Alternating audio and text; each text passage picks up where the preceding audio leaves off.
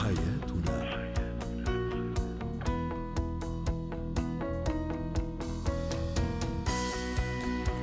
مستمعينا الكرام أهلا بكم معنا إلى برنامج حياتنا برنامجكم اليومي الذي يعنى بشؤون الأسرة وباقي الشؤون الحياتية الأخرى عبر إذاعة سكاي نيوز عربيه في أبو ظبي. هو وهي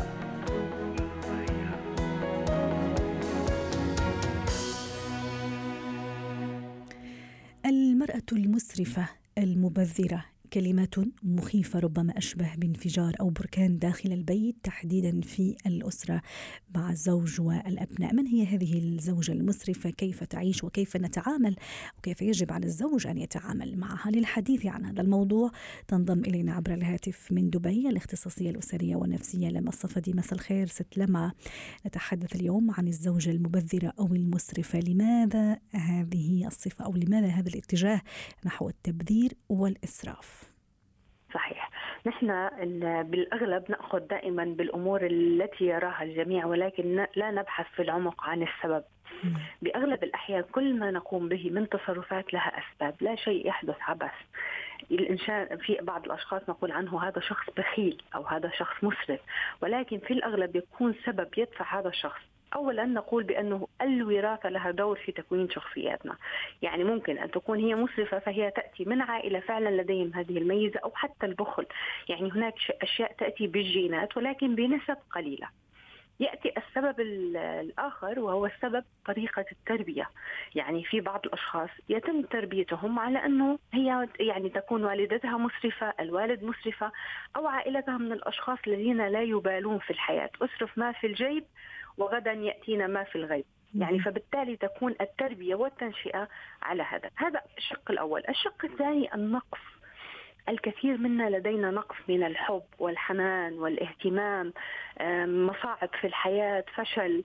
فبالتالي أحيانا تكون أفعالنا هي ردود فعل في بعض الكثيرات من السيدات. يعتقدن بأنه الشوبينج التسوق الإسراف الحصول على كل شيء قد يعوض عن جانب آخر من الحب من الاهتمام من السعادة المفقودة. ربما هي سعادة مؤقتة أو رضا مؤقت. مؤقتة تماما. هو البحث عن الحصول على جرعة سعادة مؤقتة. جميل. رفاهية الحياة أيضا ست ست لما الوسائل التواصل الاجتماعي الآن اللي صار أيضا الاستعراض آخر الماركات آخر الموديلات أيضا. هل هذا تتأثر فيه الزوجة أو المرأة وبالتالي بتروح تقلد حتى وإذا كانت إمكانياتها وإمكانيات الزوج لا تسمح؟ آه هذا واقع. هذا يعني الأغلب حاليا للأسف الذي نراه بالكثير من المجتمعات على اختلاف الثقافات والوضع المادي أصبحت ثقافة البراندات أو ثقافة أنا ما أرتدي يعكس شخصيتي. وبالتالي قد يعيب على شخص مثلا بأنه يذهب إلى الماركات العادية، أصبح من العيب أن يقال بانه فلان لا يرتدي مثلا ماركات، ما السبب؟ لأنه للأسف التقليد الاجتماعي يفرض علينا شخصيتنا، يعني أحيانا نحن عندما نكون موجودين بمجتمع يقيم كل الأشخاص فيه على أساس ما يرتدون قد يصبح من المعيب على الشخص أن لا يكون ضمن المجموعة أو يغرد خارج السر خارج السر. ولكن أنا أقول دائما بأنه كل شخص قد يستطيع فرض شخصيته بما يمتلكه فعلا من أمور وصفات وقد يكون فعلا أحيانا ممكن أن تلتقي بسيدات بقمة الأناقة. ويرتدين أشياء بسيطة ولكن يمتلكن الذوق لذلك. فإذا هي كلها تعبير عن نقص بداخلنا نقوم بالتعويض عنه بهذه الطريقة. من بين التفسيرات اللي شفتها ست لما سامحيني قطعت كلامك من بين التفسيرات اللي أنا مرة سمعتها عن الإسراف أو الزوجة المسرفة أو المبذرة الانتقام بدافع الانتقام من الزوج لأنه مقصر معها في شغلة مثلا من الشغلات أو مش متواجد كثير أو لأنه ربما عنده فلوس كثير فتقول ليش لا؟ why not أنا كمان من حقي أني أسرف وأبذر.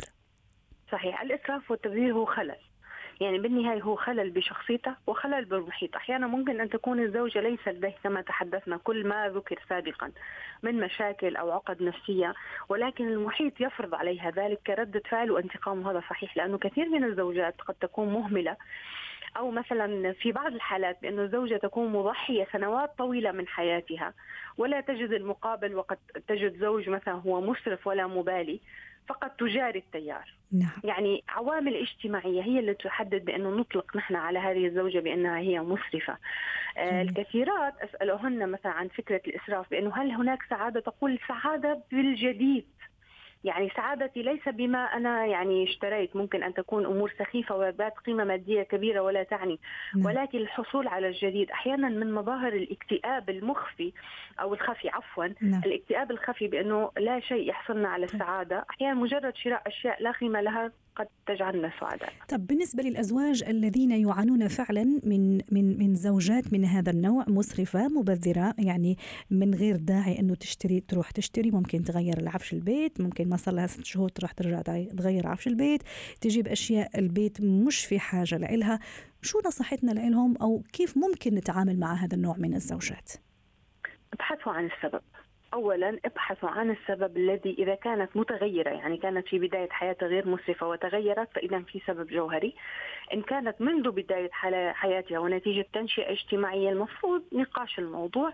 اثنين عززوا الموضوع بالمكافآت. يعني عندما تقوم مثلا زوجة بعمل بتوفير لو بسيط لو كان قيمته درهم شجعوا الموضوع وتحدثوا عنه حتى تحس بقيمة بأنه أنا إذا وفرت فعلا يعني هناك حد مهتم بالموضوع. نعم ونصيحتنا للسيدات آه. ست لما لأنه الزواج في النهاية هو مودة ورحمة ولازم فعلا المرأة صحيح. تكون رحيمة آه، بهذا الزوج حتى وإن كانت أموره المادية كويسة يعني.